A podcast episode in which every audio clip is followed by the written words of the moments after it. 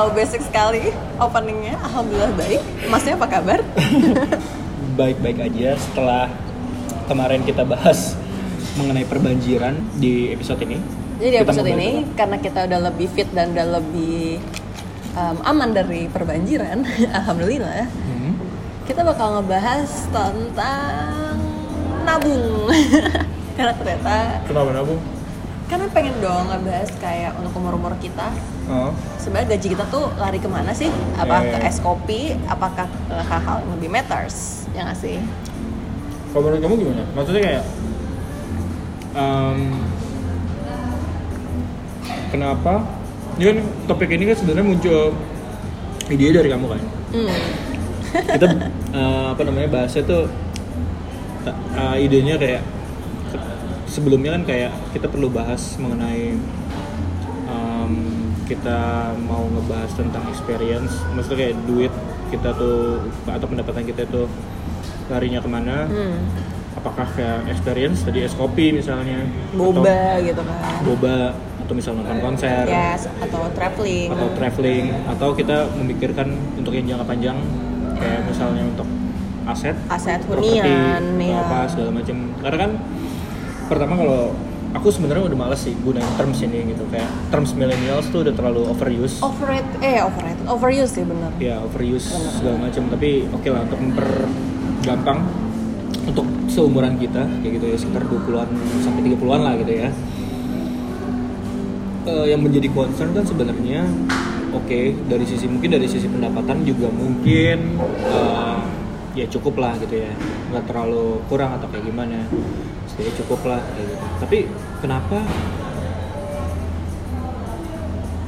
susah banget untuk eh, menyisikan uang untuk sesuatu yang lebih matters tadi yang kamu bilang kan? Hmm. matters nggak matters kan? Kayak ibaratnya kita lebih more concern di buying experience. Kenapa seumuran kita suka dengan yang itu gitu?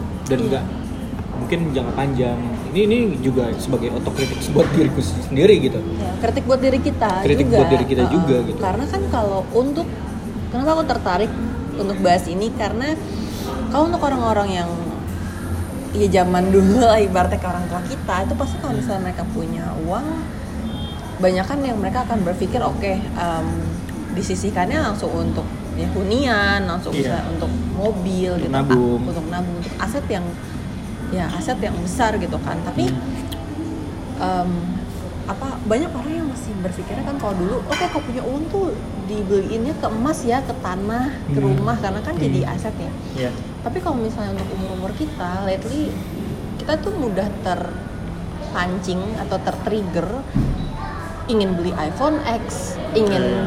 liburan ke Jepang Konsumtif ingin lah ya. iya dan konsumtif itu konsumtif barang yang tidak bisa dibeli oke tapi experience juga mahal sih dan berkesan experience mahal tapi bukan hal yang kayak seharusnya bukan di tempat pertama ya, gitu, yang atau stays with you gitu maksudnya oh betul Iya, jadi barang yang maksudnya kalau misalnya barang kan ya barang gitu. Hmm, hmm, hmm. Dan punya nilai jual kalau kita ngomongin soal investasi, Hmm. punya nilai um, nanti bisa kamu dapatkan lebih gitu. Iya. Tapi kalau misalnya experience ya udah kamu nonton konser, that's it gitu. Ya dia the memory sticks with you tapi kayak the that's memory it. still remains Ya, tapi kayak maksudnya banyak dari umur-umur kita atau mungkin kritik untuk aku sendiri kali ya. Aku Hmm. merasa aku ngabisin uang tuh gaji aku sebagian besar lebih ke konser.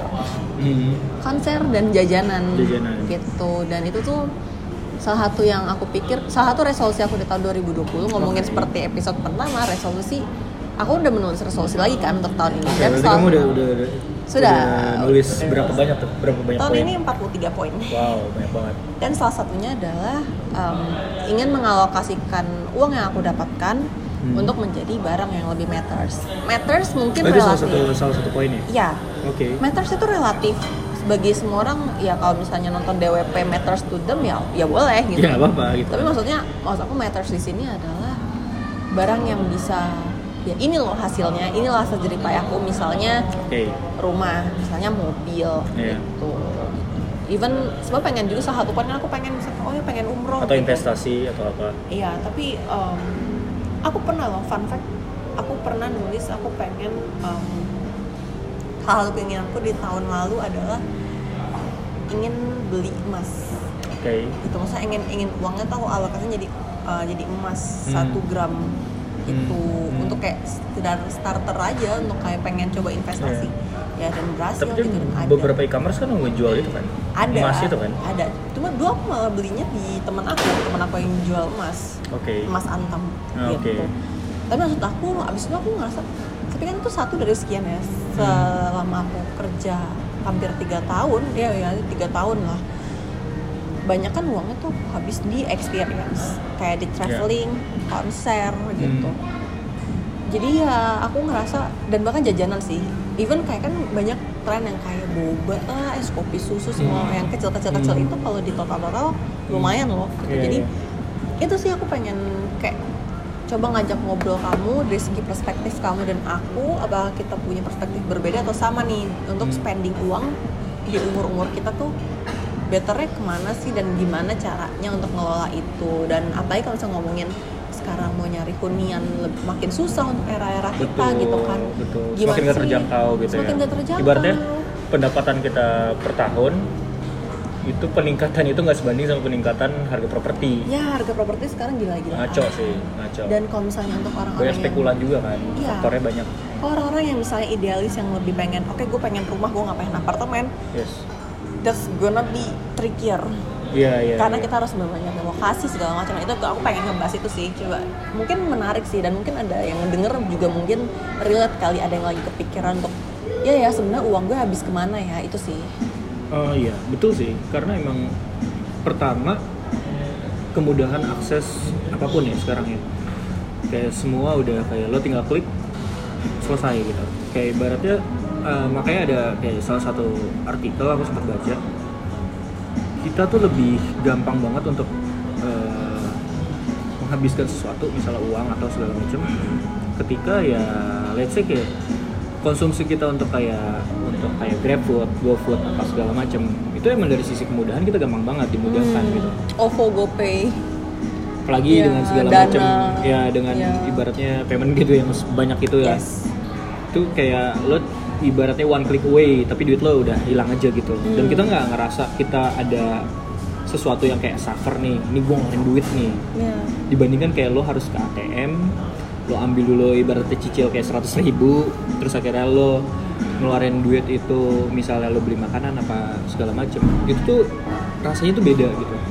Dan itu emang salah satu em, salah satu hal yang sempat ada risetnya juga gitu. Jadi kita ketika kemudahan kemudahan ini kayak ibaratnya semua apps dan segala macamnya itu kayak lo tinggal order sesuatu 5 menit kemudian atau 10 menit kemudian sampai Hmm. dari sisi dari sisi kita tuh kita nggak ngerasa ngeluarin sesuatu iya padahal padahal ya kita ngeluarin sesuatu dengan nilai yang sama bahkan lebih gitu yang kecil-kecil itu sebenarnya justru yang nggak yang nggak kita sangka keluar lebih banyak betul makanya Akhirnya. makanya akhirnya eh, tren kayak es kopi apa segala macam itu juga kebantu juga sama eh, ya perkembangan teknologi juga yang akhirnya Hmm. mensupport itu juga gitu kayak misalnya sekarang udah tinggal lo order apa pun semua sampai ya terus kayak top up top up apa segala top macam up. Even obat-obat kalau kita mau tuh tinggal. Betul.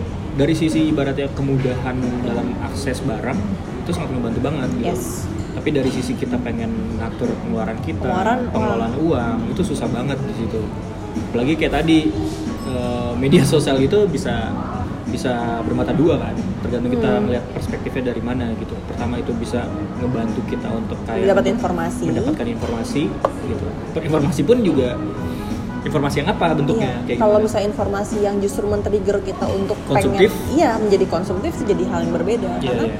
memang sih tergantung masing-masing orang menanggapinya kalau misalnya Betul. pertama oke misalnya dari sisi oh ternyata misalnya ada makanan ini bukannya di daerah dekat gue itu jadi sebuah informasi yang bermanfaat Iya. tapi kalau misalnya diambil dari sisi oh oke dia udah pergi ke Jepang gue juga harus ke Jepang yes. Nah, kayak gitu yes yes yes Even jujur, sorry itu saya bukannya mau throwing shade tapi nikah aja menurut aku sekarang jadi kayak konten media sosial gitu. Orang Betul. banyak yang berlomba-lomba, oke gue pengen married dengan dengan ada hashtagnya, dengan kayak outdoor, rustic theme segala macam, bla bla Iya. bla. Itu banyak yang karena banyak tuntutan dari media sosial gitu atau Betul. liburan dengan harus dengan di titik-titik tertentu, Iya, iya. spot-spot tertentu ya itulah gitu. ya itu itu juga berpengaruh juga sih karena aku sempat eh, mungkin juga kamu udah pernah baca kan aku sempat nulis artikel yang ngebahas tentang Instagram gitu sisi lain sisi lain Instagram lah pertama dari sisi data sendiri kita semua apa pun yang kita activity kita yang kita lakukan gitu bahkan eh, berapa lama lo spend di media sosial di Instagram apa segala macam semua ke detect kebaca gitu. Behavior kita udah ke detect gitu. Hmm. akhirnya em, dari sisi mereka gitu algoritma mereka ngebaca intinya kalau sebagai pengguna platform sebagai media gitu ya. Si ibaratnya kita ngambil contoh Instagram lah. Mereka kan eh, di balik itu profitnya dari mana sih? Dari iklan lah ya kan? Dari iklan berapa banyak brand yang iklan ke mereka artinya mereka harus juga meningkatkan em, waktu kunjungan dari si pengguna gitu. Berarti kita kita udah subscribe gitu kan, kita udah daftar punya akun di sana. Gimana caranya untuk nge-retain si apa namanya eh, si pengguna ini sampai di angka tertentu dan data-data itu akhirnya bisa kita jual ibaratnya dari sisi si, si, si platform dia bisa ngejual itu ke brand kan. Oh ternyata kayak gini segala macam. Efektivitas di campaign di kita tuh se- segini banyak bla bla bla segala macam. Itu jadi ibaratnya em, pertama itu dari dari sisi platform. Jadi mereka membuat gimana caranya itu kita senyaman mungkin untuk spend waktu di situ. Iya. kedua adalah masalah konten.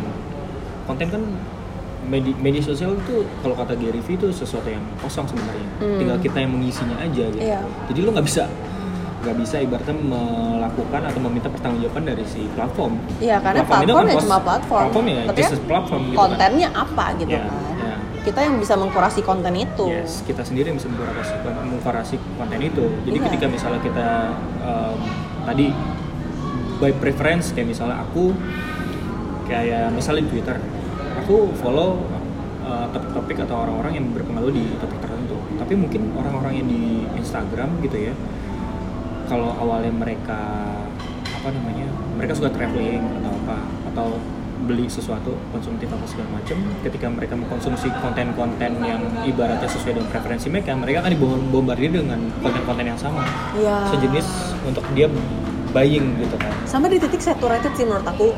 Informasi yang masuk tuh kalau misalnya sekali mereka udah tahu algoritmanya. Misalnya Yes. kayak aku kan biasanya pasti konten-konten aku lihat adalah yang foodies ya yang lebih Oke. food beverage banyak banget. Aku nge-follow-follow juga banyak. Bukan cowok-cowok seksi cewek-cewek seksi Oh enggak gitu. dong, aku Oh, aku yang seksi adalah makanan. Oke. Hal di dunia paling seksi adalah makanan kan. Ini kamu setengah jujurnya di podcast ini apa? Jujur banget sih. Oh, jujur, Jujur banget. Oke ya. Dan serius, dan aku kan kalau kalau aku buka explore aku di, Yes. di Instagram tuh makanan semua. Oke. Makanan semua Tapi up to the point where gue ngerasa semua sponsor yang masuk tuh banyak kan kayak Oke kayak cake. Kayak cake yang baru atau Iya, iya. makanan-makanan misalnya kayak um, burger joint yang baru buka di mana gitu-gitu. Jadi kayak oke maksudnya sekali mereka udah tahu algoritma sekali algoritma ngebaca behavior kita sangat-sangat saturated sih untuk mereka kayak ngasih info. Tapi juga aku sering juga untuk memakan iklan untuk kayak oke gue mau nyoba ini mau nyoba Akhirnya itu. itu kan. akhirnya jadi nyoba. Tapi Nah, kalau kita ngomong balik lagi kita tarik ke topik awal hal-hal kayak gitu jadi membuat kita konsumtif gitu jadi Betul. uangnya habis ke mana ya habis ke experience Betul. gue mau coba makan ini gue coba mau coba uh, makan itu kalau dari sisi aku ya gitu hmm.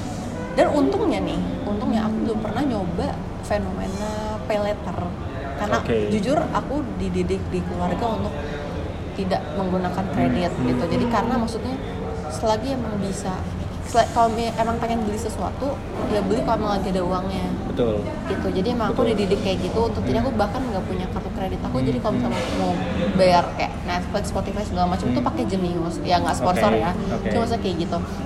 Maksudnya ya itu salah satu kontrolnya sih. Salah satu kontrolnya. bisa. betul. Tapi kan aku juga melihat fenomena pay later ini ada gitu. Dan kalau misalnya dan mereka tuh sangat-sangat mengiurkan ya misalnya.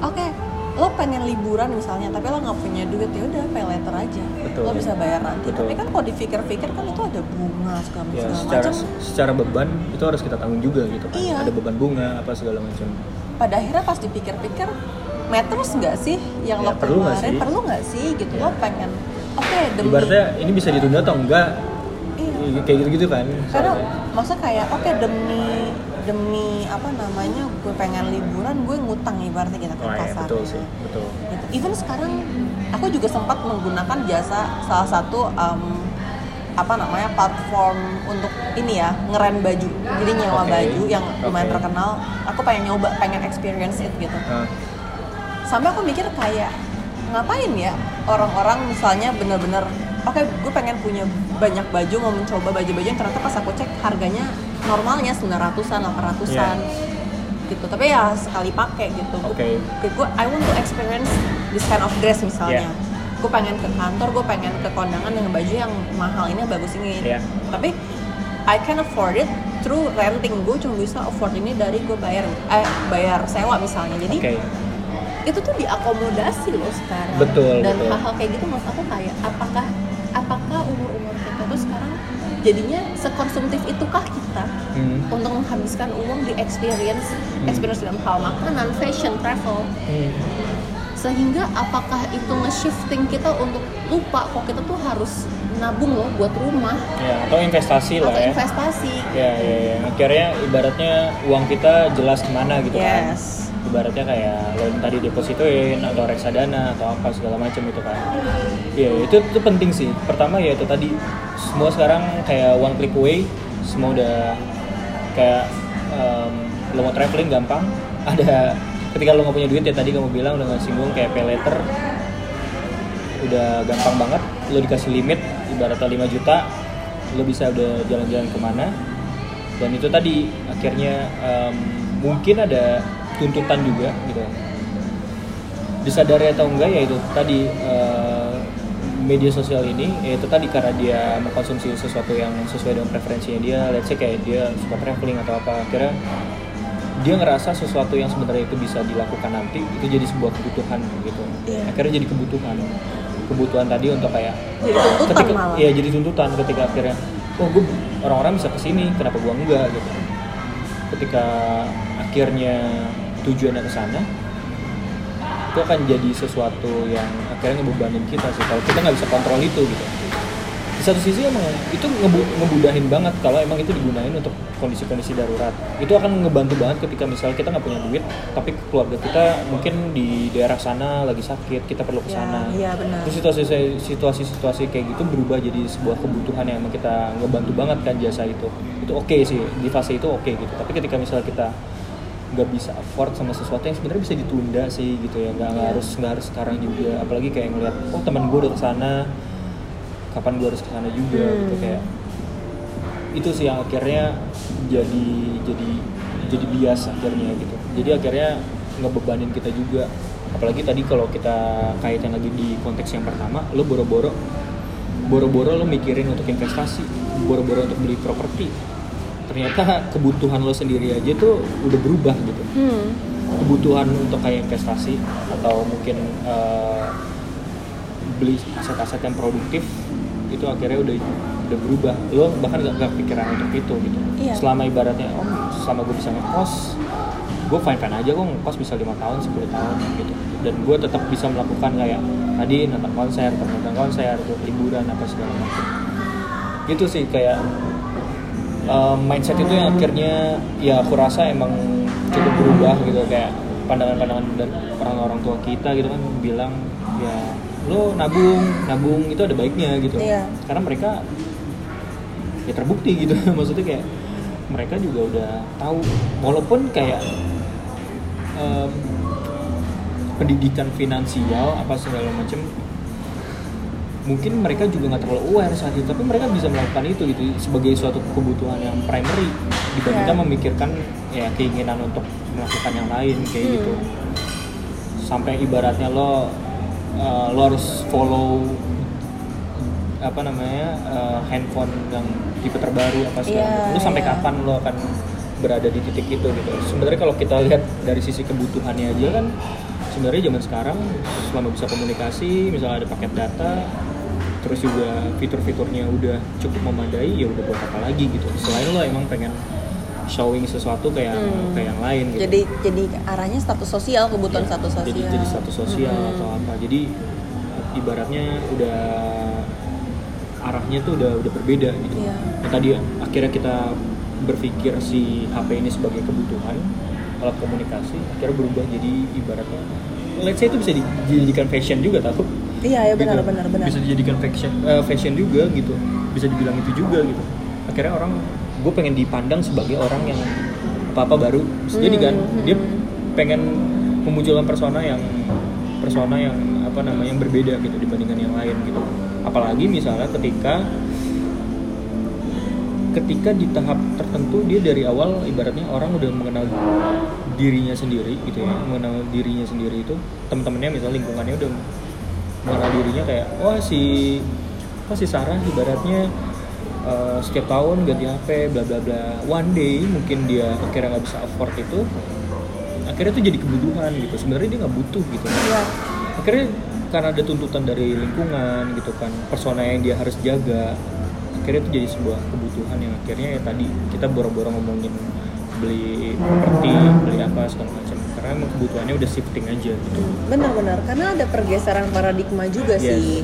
Yang tadinya kan kalau di konsep ekonomi kan ada apa kebutuhan primer, sekunder, tersier. Yes. Sekarang orang-orang jadi ngejar tersier dulu gitu. Iya, iya. Untuk untuk umur-umur kita banyak yang apa yang lo pakai Iya, karena consumer apa yang lo apa yang lo foto Iya apa yang lo tayak, apa yang lo tampilkan Iya, karena apa yang lo tampilkan. karena apa yang lo tampilkan di sosial media atau di society lo adalah seolahnya tuh kayak itu lo gitu. yes betul Jadi kayak seberapa banyak konser yang lo tonton atau seberapa banyak negara yang lo kunjungin Hmm. atau seberapa baru gadget lo itu adalah hal yang sadly itu mendefine lo gitu Betul. untuk usia sekarang dan itu menurut betul menurut aku kenapa sekarang banyak banget orang yang Wow. terserang hmm.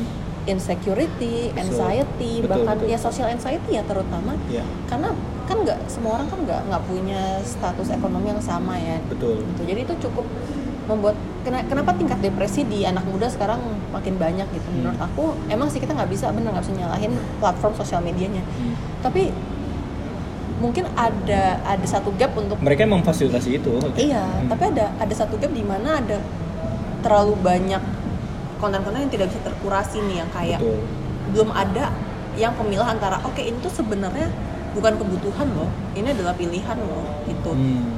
Karena lifestyle lifestyle itu kan sebenarnya pilihan kan gitu. Betul. Tapi Sama, banyak ya. orang yang salah mel- melihatnya mengartikannya sebagai kebutuhan. Itu yang Hmm. menurut aku um, uniknya atau PR-nya adalah gimana caranya untuk me- merubah menggeser lagi paradigmanya menjadi oke kebutuhan primer kita adalah misalnya hunian, Hunian. rumah gitu, pakaian. atau mungkin kalau emang lo nggak mau beli rumah ya properti Iya. eh properti apa namanya misalnya kayak investasi kayak gitu-gitu kan Ya, yang lebih akhirnya produktif kan iya. dan lebih balik lagi ke fungsi misalnya Yes. kalau misal kamu udah punya tiga rumah gitu ya ngapain di rumah lagi misalnya Iya kayak iya gitu. betul betul betul lebih balik lagi ke fungsi misalnya kalau emang sih nggak juga aku nggak juga nggak bilang orang yang denger kayak misalnya jangan tuh orang yang denger kayak ya gue juga nggak mau HP gue cuma buat SMS sama telepon doang yang nggak juga Ya tapi gitu. iya tapi ada ada hal-hal yang kayak oke ada perubahan perubahan paradigma nih di usia-usia segini. Jadi biar kayak ke bawah-bawahnya ke adik-adik atau ke anak-anak di bawah nanti itu tidak akan jadi lebih konsumtif gitu. Itu menarik untuk mencoba untuk meng- bukan mengeduket ya lebih karena kayak karena sebenarnya kita berada di fase itu juga iya kan. karena kayak kita kamu lagi di situ gitu. karena karena karena dari dari kamunya juga kayak kamu bilang tadi kayak mostly ya buat jajan atau nonton konser Iya, ya iya. karena iya maksudnya kita juga mengalami itu gitu Karena kita lagi berdua juga mengalami itu iya, akhirnya ini- makanya topik ini menjadi relevan yang untuk kita di- bilang dibahas kan iya yang kayak Iya. kita bilang di awal ini juga ada sentuhan buat kita Yes, sebenarnya gitu karena kita lagi di fase ini jadi gimana Hmm. caranya biar oke uang yang kita keluar eh, uang yang kita dapatkan itu kita keluarin dengan sangat-sangat wise dengan bijak gitu. Iya sih betul. Jadi sebenarnya ini um, otokritik juga buat kita juga ya, Iya. kita berdua juga untuk kayak ngelihat selama ini tuh kayak kita dapat gaji atau pendapatan itu habisnya ke mana gitu. Ternyata emang dipikir-pikir emang ya bener sih untuk sesuatu kayak yang lo beli es kopi susu atau apa segala macam. Ya, ya akhirnya kan pasar pasar tuh akhirnya ya namanya as a brand gitu ya pasar bisa diciptakan gitu Hmm.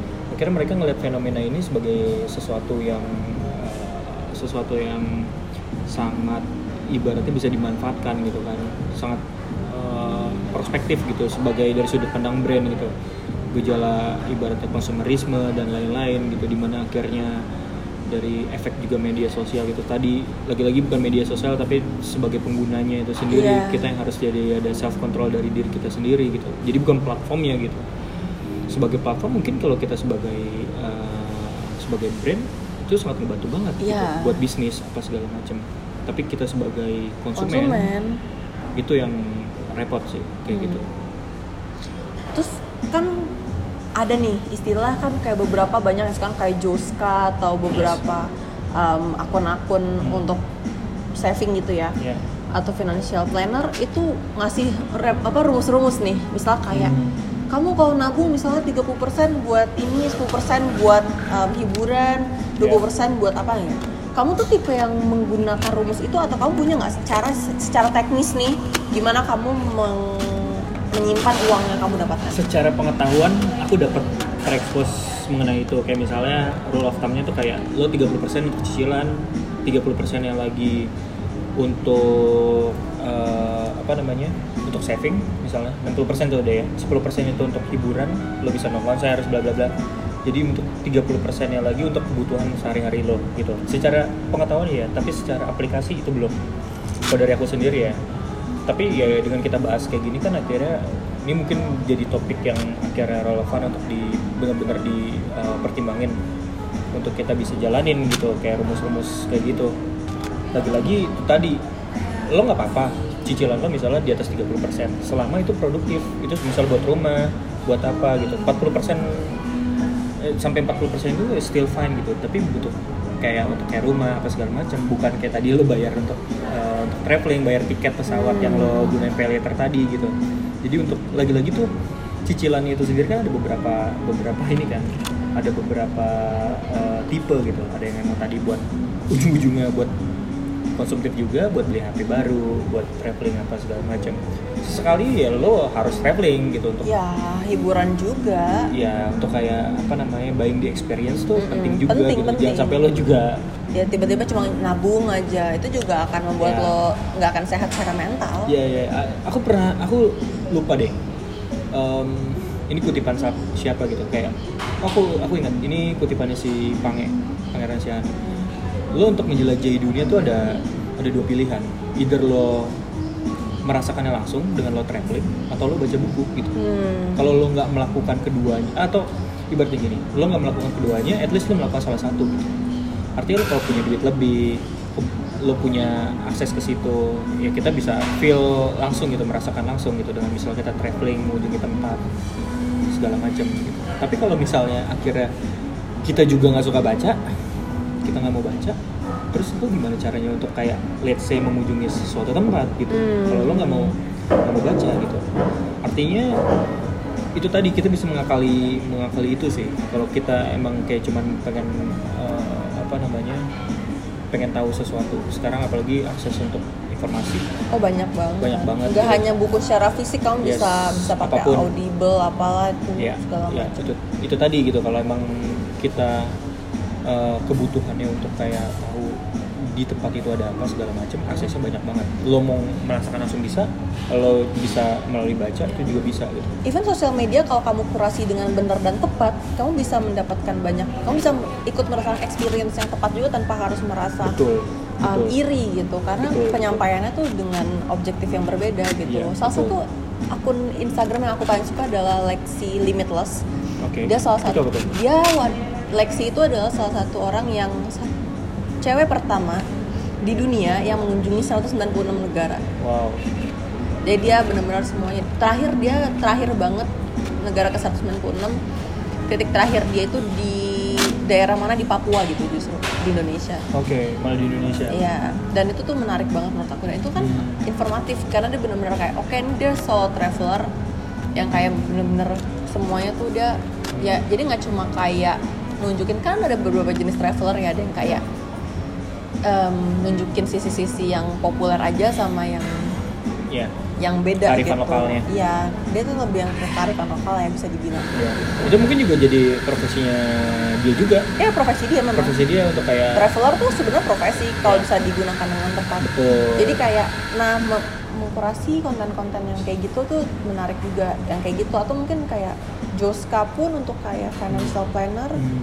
untuk sekedar kayak biar oh gue tahu jadi tahu nih kayak keuangan tuh seperti apa atau Iya, kayak iya. konten-konten yang misalnya gimana untuk even politik kok kamu saring dengan tepat juga mungkin akan mendapatkan yang insightful gitu. Betul. gimana cara kamu ininya sih? Ya kita mengkurasi konten kita sendiri kan. Iya. Ibaratnya kan eh, informasi itu datang dengan sebegitu kencengnya kan? Dan sebegitu banyaknya segitu, masih segitu, sebegitu masifnya gitu. Makanya ibaratnya kayak misalnya kemarin lagi rame-rame untuk kayak pilpres pilkada apa segala macam kita kalau nggak bisa mengkurasi sendiri kita yang mau baca-baca sendiri sumbernya ini valid atau enggak ini dari mana segala macam akhirnya kita sendiri yang akan eh, apa namanya sebagai apa namanya sebagai pengguna akhirnya kita juga mengalami degradasi dari eh, banjirnya informasi itu tadi gitu. Hmm. akhirnya kita ke bawah arus dan kita nggak tahu dan kita nggak bisa memilah gitu mana informasi yang tepat mana yang enggak gitu. Tapi balik lagi tadi em, kita perlu menggunakan duit kita ke mana itu tadi sih. Eh, pertama mungkin kita juga perlu ya tadi eh, ada kemudahan media sosial apa segala macam akses informasi udah gampang ya mungkin kita bisa cari tahu gimana sih caranya untuk kayak saving atau menggunakan eh, pendapatan kita atau gaji kita itu secara bijak itu kayak gimana at least eh, setidaknya kita aware gitu duit Iya. kita lari ke mana jangan Iya. sampai emang ada orang yang udah ya udah kerja duit habisin habisin habisin. Iya. ketika misalnya ditanya duit lo habis ke mana mereka juga nggak tahu. Iya. Itu, itu banyak banget loh orang-orang yang orang-orang yang kayak gitu. Aku di fase di mana aku tahu sebenarnya uang aku habis ke mana tuh aku tahu kayak gitu. At least lo aware dulu deh duit lo kabur ke mana tuh. Hmm, lo habisin buat apa gitu. Bahkan mungkin lo nggak tahu gitu bahayanya itu. Kedua mungkin eh, melek informasi sama ini yaitu tadi masalah eh, alokasi anggaran itu biasanya Hmm. harusnya ke mana oh ini kebutuhan apa sih segala macam. Terus juga eh, nextnya adalah yaitu tadi mengkurasi konten-konten di media sosial atau apa gitu. Ini matters atau enggak? Oh ini Iya. ini oh ini konsumtif atau enggak? Gitu. bisa mengarah ke sana atau enggak? Segala macam gitu. Itu mungkin bisa di apa namanya bisa dipilah lah ya. Hmm. kita sendiri yang akhirnya memilah itu. Terus ya nextnya ya action aja udah. Iya action aja Oh dan dan yang terakhir yang kalau bisa tambahin sih um, Apa? menentukan objektif sih di awal. Jadi Iya, betul sih. punya beberapa Betul, rekening betul. dari ATM berbeda tuh juga perlu Wow, iya. karena kayak dan saya aku punya tiga yang aktif gitu. Hmm.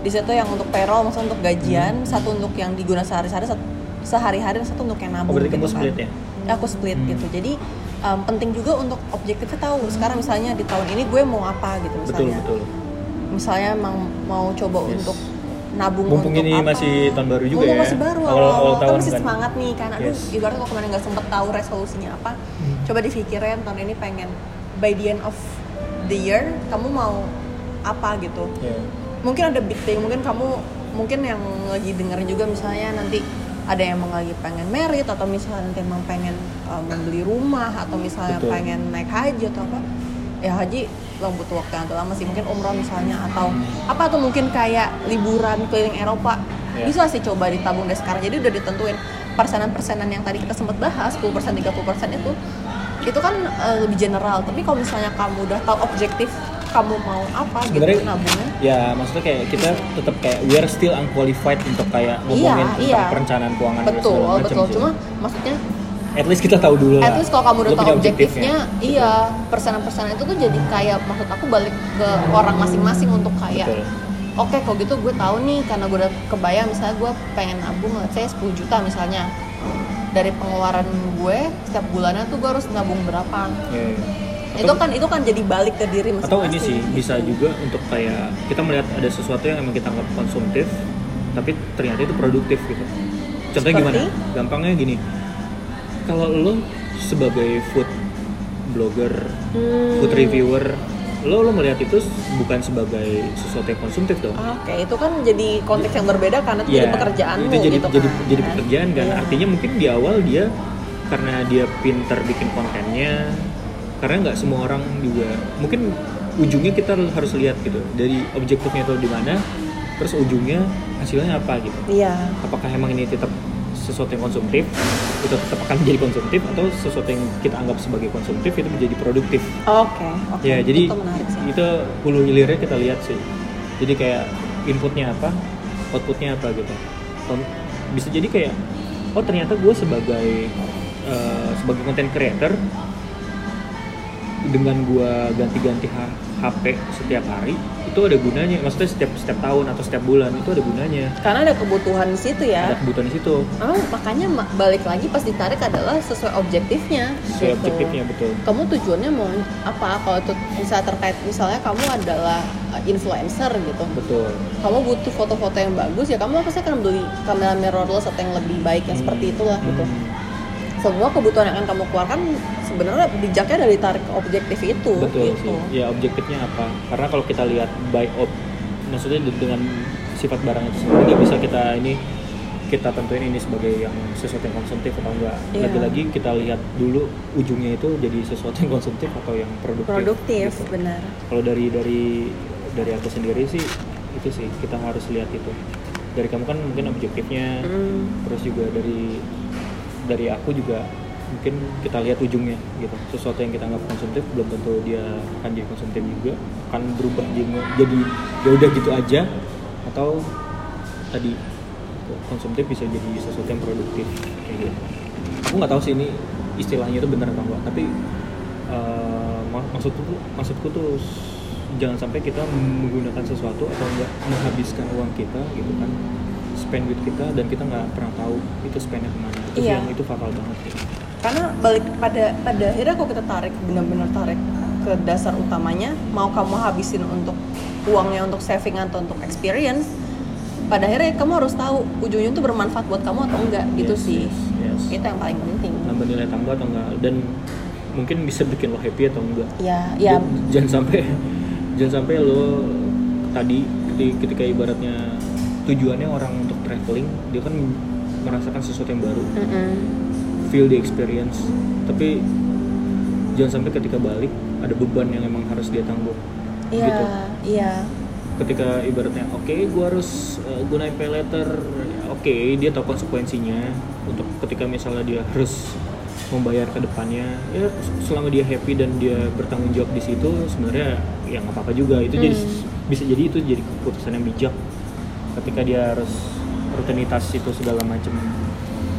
Tapi ketika misalnya lo pengen afford sesuatu dan akhirnya itu untuk bukan dibuat diri lo buat kepentingan orang lain tanda kutip gitu kan ada untuk ketika ya teman-teman gua pergi ke sini masa gua enggak? Itu kan artinya buat sebenarnya buat orang lain gitu. Dia ngelakuin sesuatu udah udah konsumtif tuh buat orang lain pula. Lo tahu dan ngutang pula itu kan berbahaya iya banget gitu. iya jangan sampai jangan sampai ke situ sih jadi uh, dari dari aku sendiri ya ini akan menjadi pelajaran juga Hmm. gitu kan mungkin jadi bahan refleksi juga yes benar sih bahan refleksi juga mumpung Untuk diri kita sendiri ya, ya. diri kita sendiri Hmm. mumpung kayak masih awal tahun Mm-mm. nextnya kita harus bikin perencanaan yang lebih baik gitu dalam hal pengeluaran apa segala macem karena mungkin ya lo nggak pernah tahu kan maksudnya kayak ada kebutuhan apa yang ada di depan yang emang itu harus butuh emang bener-bener pertama mungkin dari sisi numbers itu gede mungkin Mm-mm. atau dari sisi prioritinya itu juga perlu banget diperhatiin kayak gitu.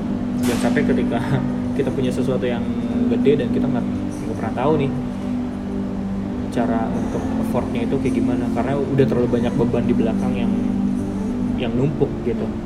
Itu sih ya at the end of the day emang nabung tuh penting sih. Ya nabung penting dan nabung penting. dan lebih pentingnya itu tadi kita tahu sih kita gunain duit itu ke mana. Untuk apa? Itu yang paling penting